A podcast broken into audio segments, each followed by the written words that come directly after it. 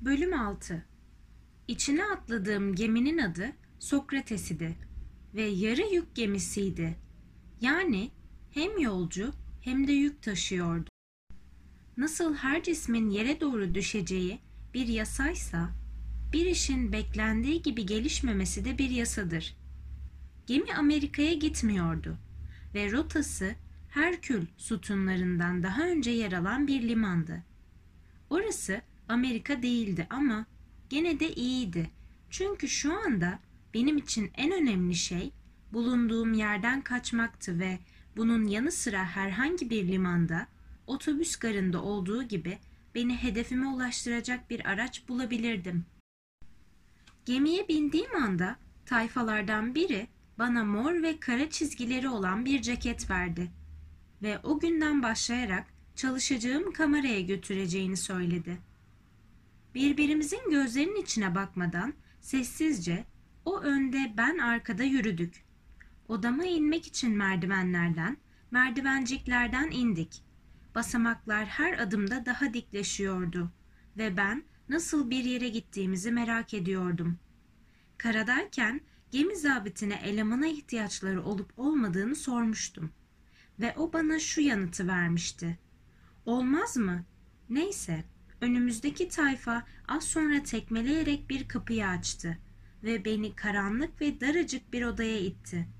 İçeride odayı neredeyse bütünüyle kaplayan, birbirine konveyör bantla bağlı, iki ucunda çelik iki kasa bulunan bir makine vardı. Ve ben ateşçi olarak işe alındığımı düşünerek derin bir soluk aldım. Ne var ki bu inancım pek kısa sürdü. Çünkü makine çalıştığında yukarıdaki pencerelerin birinde konveyör banta onlarca kirli tabak çanak dökülmeye başlayınca geminin ateşini canlı tutmak değil, bulaşıkları yıkamak için işe alındığımı anladım. Kendimi göstermek için koltuk altları hala bir önceki sahibinin ter kokusunu taşıyan ve üzerime iki numara büyük gelen ceketimi bile çıkarmadan yağlı tabakları, dibi tutmuş tencereleri temizlemeye başladım. Onları bulaşık makinesi olan çelik kasaya dizmeden önce saat yönünde sonra ters yönde hızlı bir el hareketiyle siliyordum. Hareketli bantın hızına yetişmek için ben de hızlı olmalıydım. Yoksa yağlı ve tıngırtılı bir tıkanıklık olabilirdi. Bulaşıkları şöyle bir temizledikten sonra sepetteki yerlerine diziyordum. Son tabağı da yerine koyduğumda aynı grubun ilk tabağı pırıl pırıl üzerinden temiz sular damlayarak madeni bir kol tarafından karşı banta getiriliyordu ve ben onu kurulamaya başlıyordum. İlk tabaktan başlayarak hepsini neredeyse banttan kaldırmadan kuruluyordum. Çünkü hemen sonra üstteki kapak açılıyor, kirli bulaşıklar yeniden dökülmeye başlıyordu. İlk gün böyle çelik duvarlar ve deniz sarsıntısı arasına gömülmüş olarak hiç durmadan çalıştım. Saatler geçtikçe çevremde dönüp dolaşan suyu, her an üzerime kapanabilecek olan gemi duvarlarını düşündükçe içimi boğucu bir sıkıntı kapladı. Bu rahatsızlığın paniğe kapılmama neden olmasını önlemek ve dikkatimi dağıtmak için aklıma yan yana dizilmiş kameralara ve içlerindeki yolcuların neler yapıp ettiklerine taktım. Kameraların nasıl döşenmiş olabileceklerini hayal edebiliyordum ama yolcuları gözümün önüne getiremiyordum. Daha doğrusu yolcuları çekirge, Ağustos böceği biçiminde hayal ediyordum. Hiç durmadan çiğneyen, kocaman dişleri ve çene kemikleri olan yaratıklar olmalıydılar. Geminin köprülerinin ve salonlarının bu doymak bilmeyen böceklerle dolu olduğunu, güçlü çene kemikleriyle her şeyi kemirdiklerini, ısırdıklarını, defalarca çiğnediklerini, yutulabilecek ne varsa mideye indirdiklerini düşünüyor, öyle olduğunu varsayıyordum.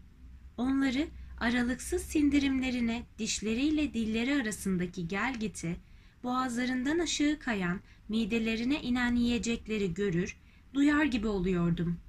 Bu koca lokmalar alabildiğine yorucu bir sindirime sürecinde midede kimüse dönüşmek üzere bekliyorlar, yumuşamamak ve bağırsaklara geçmek için gerekli süreç tamamlanınca kıllı çıkıntıların üzerinde ilerleyerek bir kızağa konmuş gibi ince bağırsaklar boyunca akıyorlar, enine uzanan kalın bağırsaklardaki yolu geçiyorlar ve adını anamayacağım sona ulaşıyorlardı.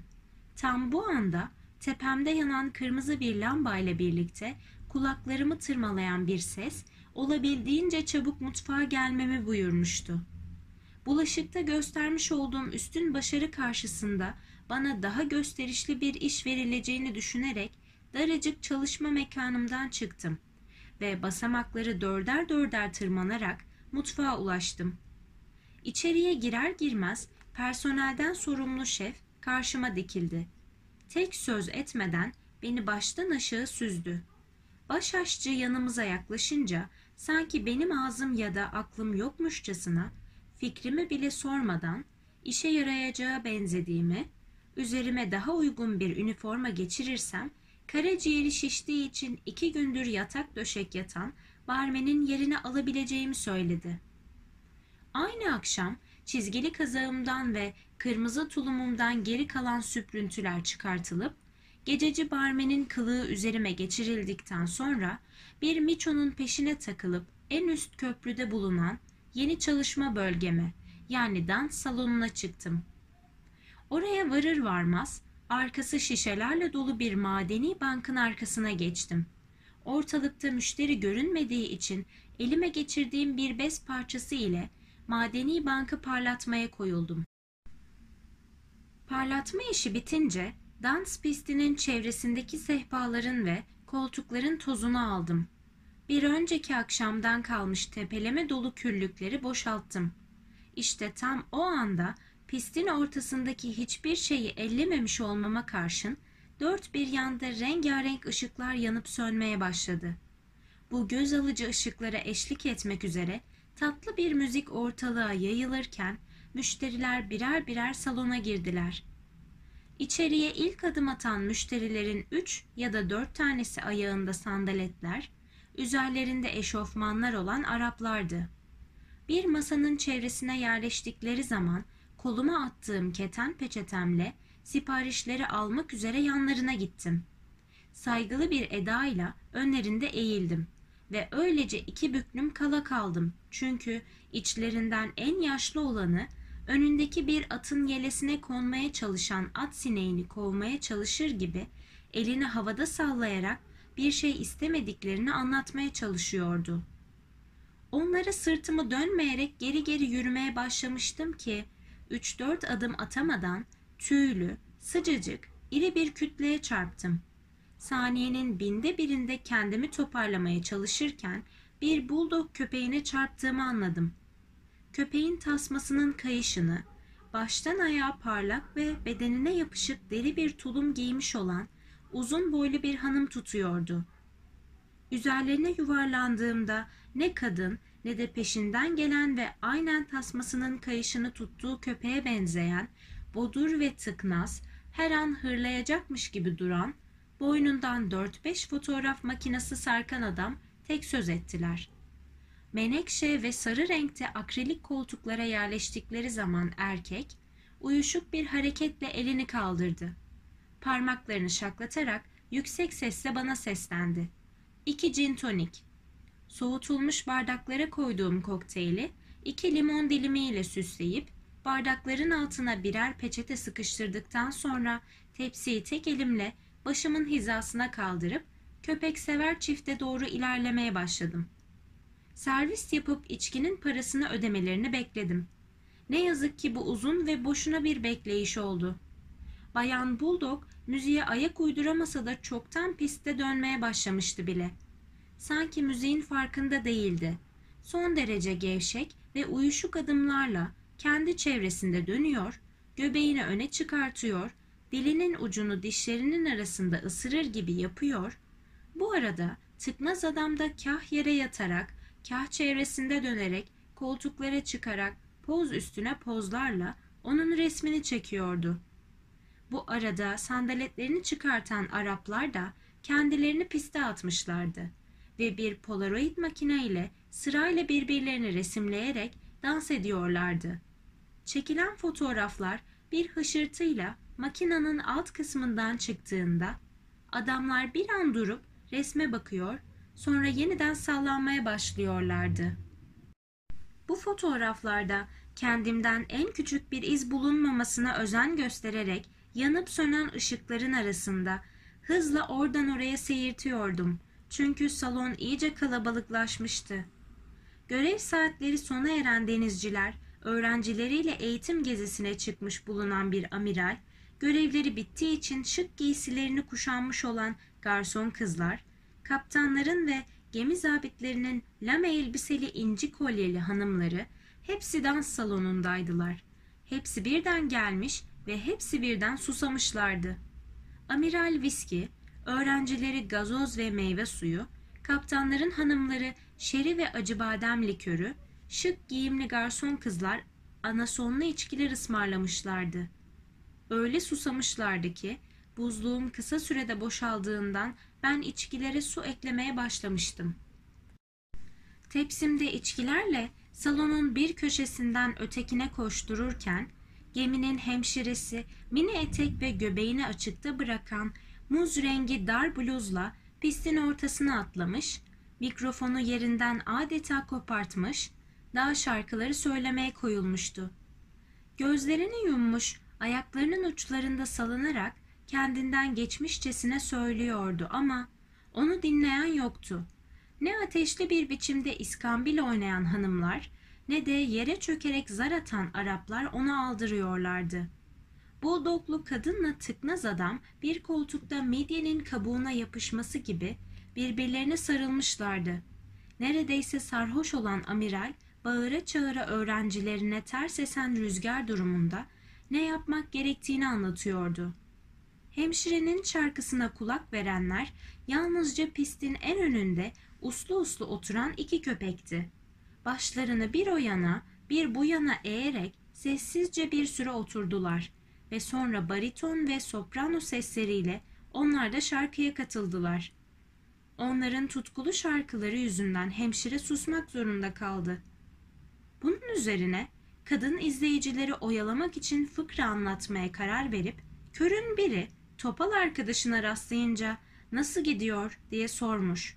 Topal da arkadaşını gördüğün gibi işte kör topal diye yanıtlamış dedi. Bundan sonra 5-6 fıkra daha anlattı ama kimse gülmeyince birkaç denemede daha bulunup derin derin içini çekti. Zar atmak üzere Arapların yanına çöktü. Aktıkça coşan ve ağaçları, kayaları önüne katan bir sel gibi saatler geçtikçe gürültü arttı. Sonra da bir düzlüğe rastlamış gibi duruldu. Sesler uğultulara, çığırtıları dönüştü. İskambil oynayan hanımlar kameralarına çekilir çekilmez ortalık belirgin bir şekilde sessizleşti. Amiral çevresini saran öğrencileriyle masaya uzanıp uyuyunca duyulan tek ses tırnaklarıyla parkeleri çizerek salonu terk eden köpeklerin adımları oldu. İşte ondan sonra dans salonuna bir yatakhane sessizliği indi ve horultular yükseldi. Yitirilmiş bir savaş alanına benzeyen parkelerin üzerinde yatan bedenler arasından atlaya zıplaya temiz hava alabilmek için güverteye çıktım. Açık denizin tuzlu havası beni hemen sardı. Geminin burnu dalgaları yararak ilerlerken çevrede hiçbir kara parçası görünmüyordu. Gece yerini şafağa bırakmak üzereydi ve ufuk doğmaya hazırlanan güneşin ışıklarıyla kızıllaşmaya başlamıştı. Köprüde öylece dururken zihnimde hiçbir düşünce yoktu. Bu mutlak sessizlik içerisinde kaybolup gitmiştim. Gece üstlendiğim görev gündüz görevimi yerine getirmeme engel sayılmadığından ertesi sabah yeniden bulaşıkların başına dönmüştüm ki tepemde ansızın bir gümbürtü koptu. Önce fırtına yüzünden gemi batıyor sandım ama arkadan mekanik bocurgat sesleri duyunca limana ulaştığımızı anladım. Gerçekten de az sonra gene tepemde geminin biniş köprüsünün alçaldığını işittim. Ve kamyonlarla otomobiller yavaş yavaş gemiye binmeye başladılar. Bizimkinin Nuh'un gemisine dönüştüğünü ancak bulaşığı bitirip dans salonuna gitmek üzere garajdan geçerken anlayabildim. Birbiri peşi sıra dizilmiş arabalar arasından geçmeye çalışırken pek uzakta olmayan bir kamyonun arkasına takılı karavandan bir fil çığlığı duydum. Sesler bununla da bitmedi ve birkaç saniye sonra ortalığı kükremeler, havlamalar, ulumalar, meylemeler, möylemeler, miyavlamalar sardı. Öyle meraklandım ki çamurluğunun üzerine tırmanarak karavanın içine bakmaya karar verdim. Gözlerimi kafese yaklaştırdığımda kimi yuvarlak, kimi çekik, kimi kocaman, kimi evcil, kimi vahşi, pek çok gözle karşı karşıya geldim. Anlayacağınız bakışlarım koca bir hayvan sarayına çarpmıştı.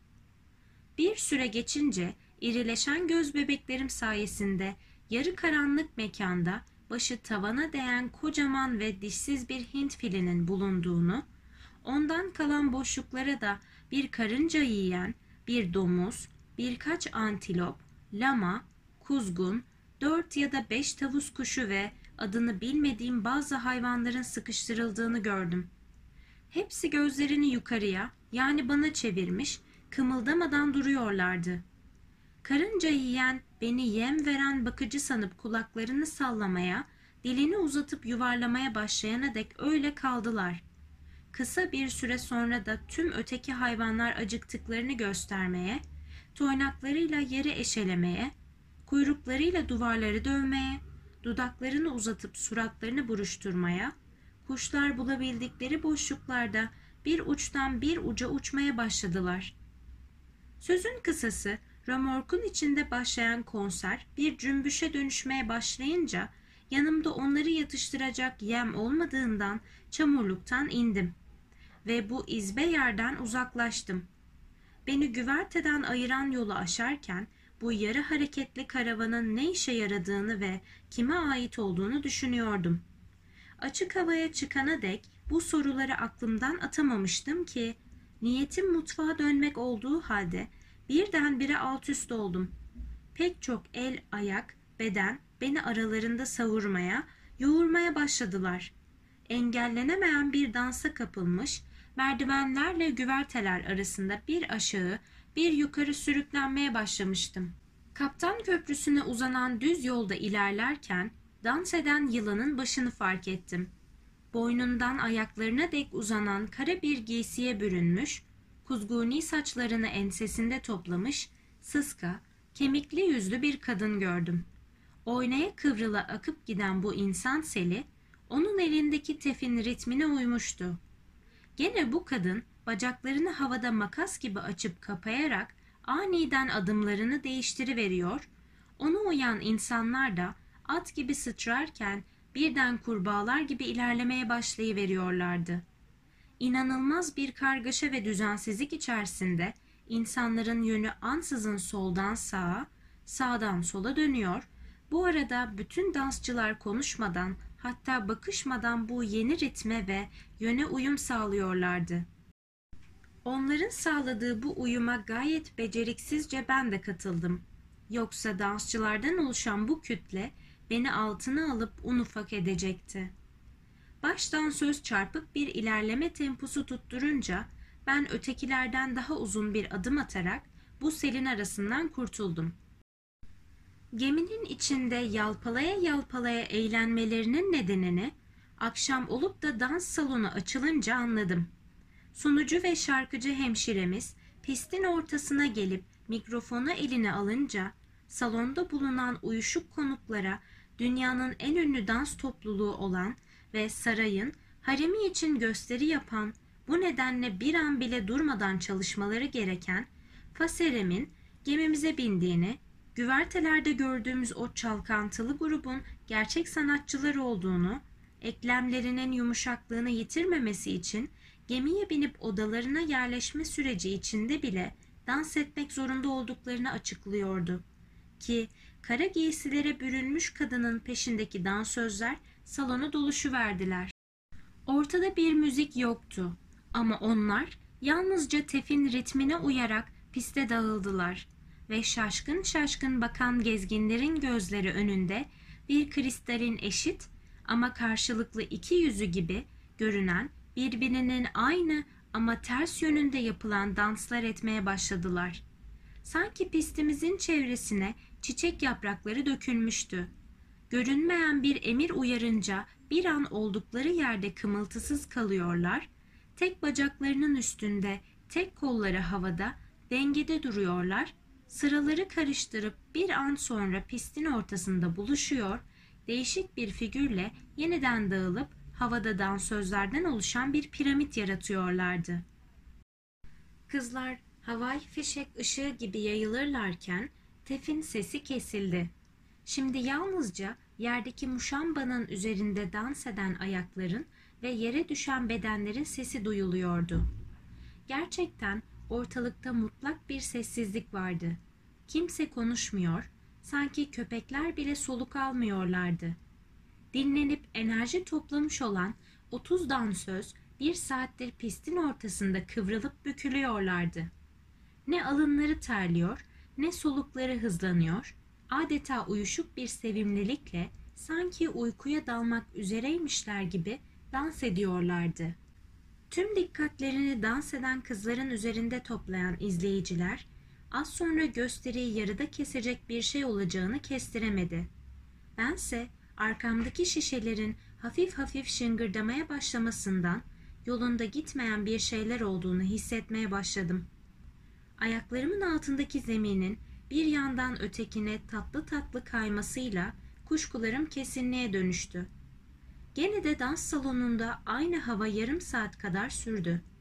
Ancak ötekilerden çok daha yüksek bir dalga güvertenin içine girip bütün şiddetiyle dans salonunun penceresinde patlayınca izleyicilerden bazıları boyunlarını koltuklarından arkaya doğru uzattılar ve şaşkınlıkla haykırdılar. Yağmur yağıyor. Bulduğun yüzü sapsarı, giysisi kapkara olan sahibesi sessiz ve çabuk adımlarla çıkışa yöneldiğinde amiral sanki güverteye çıkmış, dalgalarla boğuşmaya başlamış gibi öğrencilerine dönerek bağırdı. Çocuklar tehlike kokusu alıyorum. Bu noktaya varıldığında artık geminin pencerelerinden yıldızlı gökyüzü değil, yalnızca azgın sular görünüyordu. Köpürerek yükselen dalgalar gürleyerek gemiyi dövüyordu. Bir fındık kabuğu gibi dalgaların arasında savrulan gemimiz bir yükselip bir alçalıyor, içine kapanıp kalmış bizleri de oradan oraya savuruyordu. 20 dakika kadar süren bu çalkalanma sırasında pistte oynamayı sürdüren dansözleri izleyen iki köpek kalmıştı yalnızca.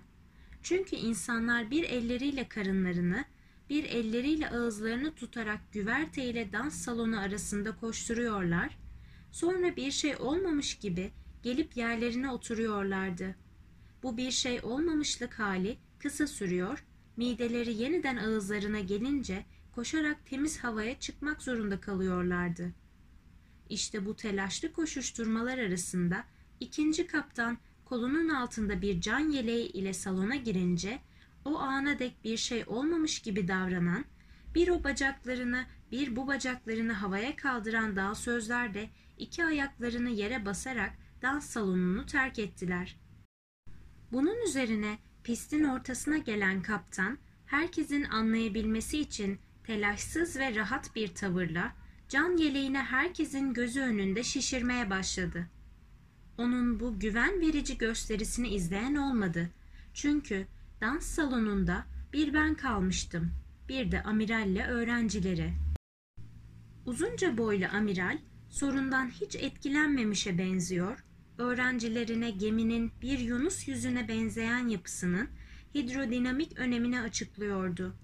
O boğuk sesiyle teknik ayrıntıları sıralar, ben ekmek kızartma makinesiyle buzdolabı arasında sallanırken müşterilerimin nereye kaybolduklarını düşünüyordum.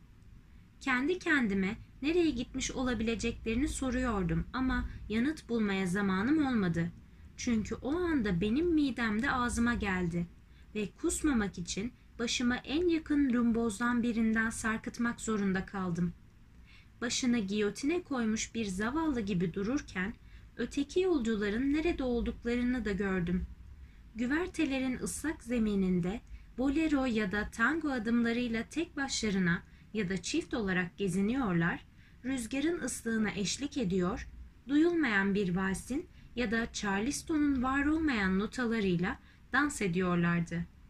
Her geçen dakika gönüllü dansçıların sayısı artıyordu.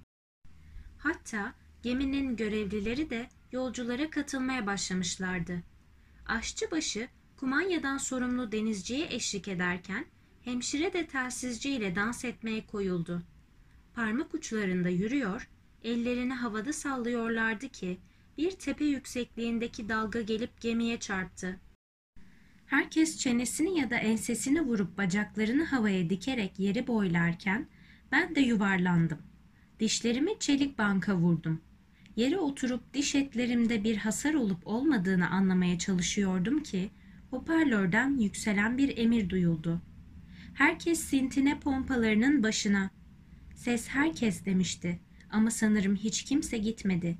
Çünkü o anda gemi ölümcül yara almış at gibi hızla yana doğru yatmaya başladı. Yeniden pencereden başımı uzattığımda yediğimiz dalganın şiddetiyle hayvanların romorktan kurtulduklarını gördüm. Hindistan fili iri cüssesiyle dansçıların arasında hantal hantal yürürken antiloplar, lamalar, karınca yiyen de kaygan zemin üzerinde tutunmaya ve ilerlemeye çalışıyorlardı. Tembel hayvan adıyla tanınan dişsiz yaratık da adına yakışır biçimde ağır adımlarla az sonra onlara katıldı. Amiral, öğrencileri ve ben olduğumuz yere çakılmış, kaçınılmaz sonun ne olduğunu tam anlamıyla kavramıştık. Bu nedenle ne yaptığını bilmeyen bu çılgın kalabalığın yaratacağı karmaşaya kapılmadan kendi başımın çaresine bakmalıydım. Soğukkanlı bir kararlılıkla yolumdaki tüm engelleri aşarak can kurtaran filikalarından birine binmem, suya indirmem ve bu gemiden uzaklaşmam gerektiğini düşündüm. Fırtınadan birkaç mil açığa çıkmak işten bile olmazdı. Kürek ya da yelken gücüyle karaya yönelmeliydim. Böylece tek bir an bile oyalanmadan pencereden sarktım. Dansçıların adımlarını izleyerek onları takılmadan filikaya ulaşabilmem için yavaşladıkları bir anı hesapladım. Bu bekleyiş anında fon müziği olarak kulağıma amiralin öğrencilerine verdiği dersler geliyordu. Onları kinetik enerji ile düzensizlik sistemi arasındaki ilişki konusunda sorguluyordu. Bir girdabın kinetizmi ile gerçek bir hortumun ortaya çıkışı arasındaki fark hakkında düşünce üretmelerini isterken sanki sıcak bir sınıftaymış gibi davranıyordu. Ben gözlerimi güverteden ayırmadan neden herkesin sağduyusunu yitirmişçesine davrandığını, bunun yanı sıra yaşantı çizgimin oluşturduğu eğrinin bunca çalkantılı olaydan sonra böyle beklenmedik bir biçimde ve anlamsızca sona erip ermeyeceğini merak ediyordum. Yazgıya teslim olmanın ve bunca süredir peşinde koştuğum hedefimden vazgeçmenin sersemlik olacağı konusunda kendimi yanıtlarken, güvertedeki dansçılar arasında bir boşluk oluştu ve ben dans salonunun kapısından çıkmak için bir panter hızıyla yerimden fırladım. Ne yazık ki bu kısa süreli bir koşu olabildi. Çünkü salonun ancak ortasına gelebildiğimde beklenmedik bir çeviklik gösteren amiral üzerime atladı. Kolunu boynuma doladı, öteki kolunu göğsüme bastırdı ve gececi barmen olduğumu haykırmama karşın beni birkaç kez sağa sola savurduktan sonra içi boş bir çuval gibi boş bir koltuğa fırlattı. Beni panikleyerek kaçmaya çalışan öğrencilerinden biri mi sandı yoksa onun ellerini kullanarak yolumu kesen yazgının ta kendisi miydi bilmiyorum. Tek bilebildiğim beklenmedik bir kaza sonucu benim de artık herkesle birlikte hareket etme zorunluluğumun doğmuş olduğuydu. Dans edenler ve kımıldamadan duranlarla birlikte ben de korkunç bir tehlike içindeydim. Çünkü fırtınanın dinmeye niyeti yoktu ve gemi gene yana doğru kaykılmış durumdaydı. Şu kısacık ömrümün son anlarını yaşamakta olduğumu düşünüp üzerimdeki yıldızların tadını çıkartmaya karar verdim. Nasılsa birkaç saat sonra denizin dibindeki kumların arasında olacaktık. Suların altına inerken ciğerlerimizin ve kalbimizin dayanıklılık süresine göre sardalyalarla, karagöz balıklarıyla göz göze bakışacaktık. Sonra yalnızca onlar bize bakacaklardı. Çünkü göz kapaklarımız tiyatro perdeleri gibi midyelerden, yosunlardan ve balıklardan oluşan sahnenin önüne kapanacaklardı. Ondan sonra ne bir şey görecek ne de duyacaktık. Ne uskumruların ağızlarını bedenimizde gezdirdiğini, ne ahtapotların bizi sardığını hissedecektik. Bu etkileyici sessizliğe gömülmüş olan bizlerden geriye koltuklara çöreklenmiş birkaç kemik, sıçramak üzere birbirinden ayrılmış uyluk kemikleri kalacaktı. Gözlerimin önünde beliren bu görüntüyle düşünmeyi kestim ve oyalanmak için amiralin sözlerini dinlemeye başladım. Öğrencilerine bu boyutlarda bir geminin dayanabileceği en şiddetli darbenin ne güçte olabileceğini, fırtınanın radarda yaratacağı belirtileri, yardım istemek için gönderilecek çağrıları soruyordu. Tam batmakta olduğumuz anda çocukları bu konuda sorguluyordu. Hiç kimse sözünü kesmeye cesaret edemiyordu çünkü onun aklının da altın rengi kanatları olan bir mayıs böceği gibi sonsuzlukları uçup gittiğine karar vermişlerdi. Sonunda dev dalga tsunami'den söz ederek el işaretleriyle bu su dağının gökyüzünün açık olduğu günlerde hiç esinti yokken yükseldiğini, belki iki kaya arasındaki çekimden, belki de hiçlikten doğduğunu, kaynağına ve izleyeceği rotaya ilişkin kimsenin bir bilgisi olmadığını da söyleyince topluca suskunluğa gömüldük. Dünya dünya olalı beri bu dalgalar başıboş atlar gibi yaşanan anın kaprisine boyun eğerek yön değiştiriyorlar, kıyıları beklenmedik biçimde öldüresiye dövüyorlar, daha önce orada olmayan pek çok şey bırakıp denizi zeytinyağı gibi dümdüz ederek çekip gidiyorlardı. Uzaktan bir dürbünle yokluktan çıkan, sessizlikte dört nala ilerleyen dalgaları seyreden biri, bunun optik bir kırılmadan mı yoksa uyanıklara özgü bir karabasandan mı kaynaklandığını anlayamıyordu. Korkunç bir yıkım gösterisi olan bu dev dalganın hem denizcilerin hem de öbür insanların karabasanlarına girmesi hiç de ender rastlanan bir durum değildi. Dalga saniyenin binde birinde ortaya çıkıyor, aynı hızla devriliyordu. Ama dalganın bembeyaz köpüklü tepesi öyle korkunçtu ki uyuyan insanı yerinden sıçratarak uyandırıyordu. Üstelik avaz avaz bağırmaya başlayan bu kişi bütün karabasan görenler gibi bir karabasan gördüğünü haykırıyor, yüzü bildik bir biçimi olmayan ne başı ne sonu ne de dile getirilecek bir öyküsü olan bu kabusun dehşetini çevresindekilere yansıtmaya uğraşıyordu. Her ne kadar sabah olduğunda kimse tsunami'yi bir saniyeden daha uzun bir süre anımsayamıyorsa, amiral bu gölgenin ezelden beri insanların, çocukların, daha da çok ihtiyarların düşlerine eziyet ettiğini biliyordu.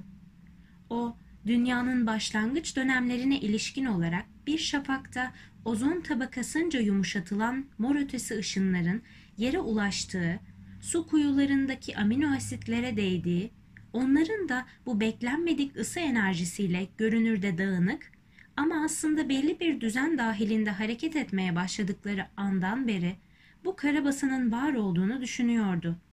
Gerçekten de görünürde bir neden ya da rehber olmamasına karşın bütün amino asitler kusursuz bir biçimde birbirlerine tutunmuşlardı. Bunu öylesine kusursuz yapmışlardı ki ortaya makromoleküller çıkmıştı. Büyük bir olasılıkla gözlerine uyku girmeyen bu makromoleküllerde karabasanlar görüyor olmalıydılar. Çünkü onlar doğmak istememişlerdi.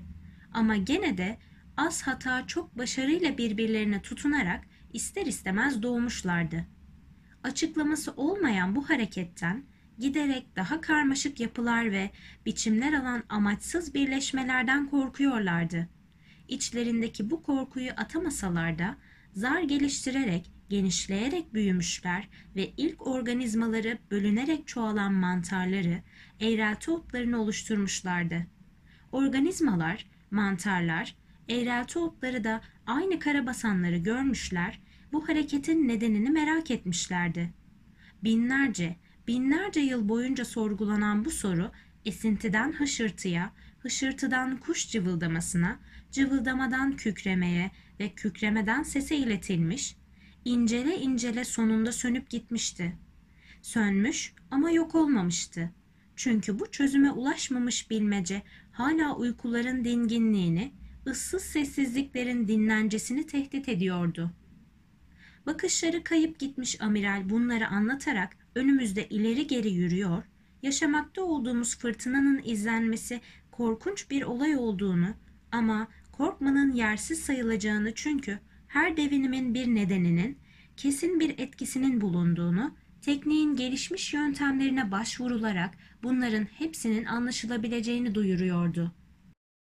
Dalgaların dövdüğü bir güvertede değil de karanlık ve düz bir leke gibi uzanan denizde uzaklarda balinaların ve yunusların gümüşi sırtları parlarken bir kaptan köprüsünde nöbet tutulduğu zaman durum bu denli vahim değildi elbette. İşte öyle gecelerde kendi çevrelerinde dönen ikili Algol yıldızları, arabacı, kahraman ve kraliçe takım yıldızları soğuk ve uzak denizin üzerinde yansırlarken gözlerini gökyüzüne dikenler bir yıldızın kütlesini merkeze çevirerek ölüşünü izleyebilirler.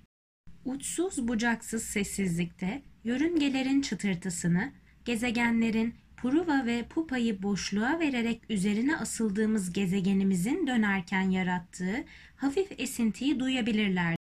Elbette aygıtlar sayesinde rotanın ne yana döndüğünü anlamak olasıydı. Ama Pruva dalgaları ortalarından ikiye yararken insan olduğu yerde durduğunu, hiçbir yere gitmediğini sanırdı. Öyle anlarda yörüngelerin dışında her hareket hareketsiz olurdu. Rüzgarın menteşelerinde zorladığı pencereler gibi gıcırdarlar, bu gıcırtı güneşe en yakın ve en uzak noktalarda biraz azalır, yeryüzü yörüngesine en yakın olduğu noktalarda artardı. İşte ancak o zaman birbirlerini aynı anda iten ve çeken bu gizil güçler oyununda yetip gitmişken işte o salisenin binde biri kadarlık bir süre içinde bu oyuna dahil edildiğini anlayınca insan denetleyemediği bir telaşa kapılabilir ve aklını kaçırabilirdi. Bir zamanlar dingin ve aydınlık bir gecede ilk sözcüğün bir talep olmaksızın yeryüzüne gönderildiği saniyede bir an için durup Gözlerini gökyüzüne diken herkes, bütün yolcular, bütün denizciler akıllarını yitirebilirlerdi. Onlar ve onların yanı sıra çözülmüş her esrarın arkasındaki çözülecek başka bir esrar olduğunu anlayan herkes delirebilirdi. Hiçbir şeyin açıklamasının olmadığı düşüncesi gelişmeye başladığı anda her şeyin bir duygudan ibaret olduğu düşüncesi oluşmasa, yumulu gözlerle akrobatlara özgü hafiflikle ve dikkatle bunca kısa zamanda hareket etmeye izin verenin dünyanın dibinden gelen bu ses olduğunu insanlar bilmese dünya büyük bir karmaşaya girerdi. Amiral bu sözleri birbiri ardı sıra dizdi. Ama ne ben ne de öğrenciler bu duygunun ne olduğunu anlamaya zaman bulabildik. Çünkü o her bir sözü ağır ağır gözlerimizin içine baka baka sıralarken Güvertenin altında müthiş bir gümbürtü koptu. O anda koltuğa yapıştım ve içimden şöyle dedim. Elveda Amerika ve geri kalan her şey. Bir an sonra hoparlörün sesi yükseldi ve herkese çarçabuk en yüksek güvertede toplanması emredildi.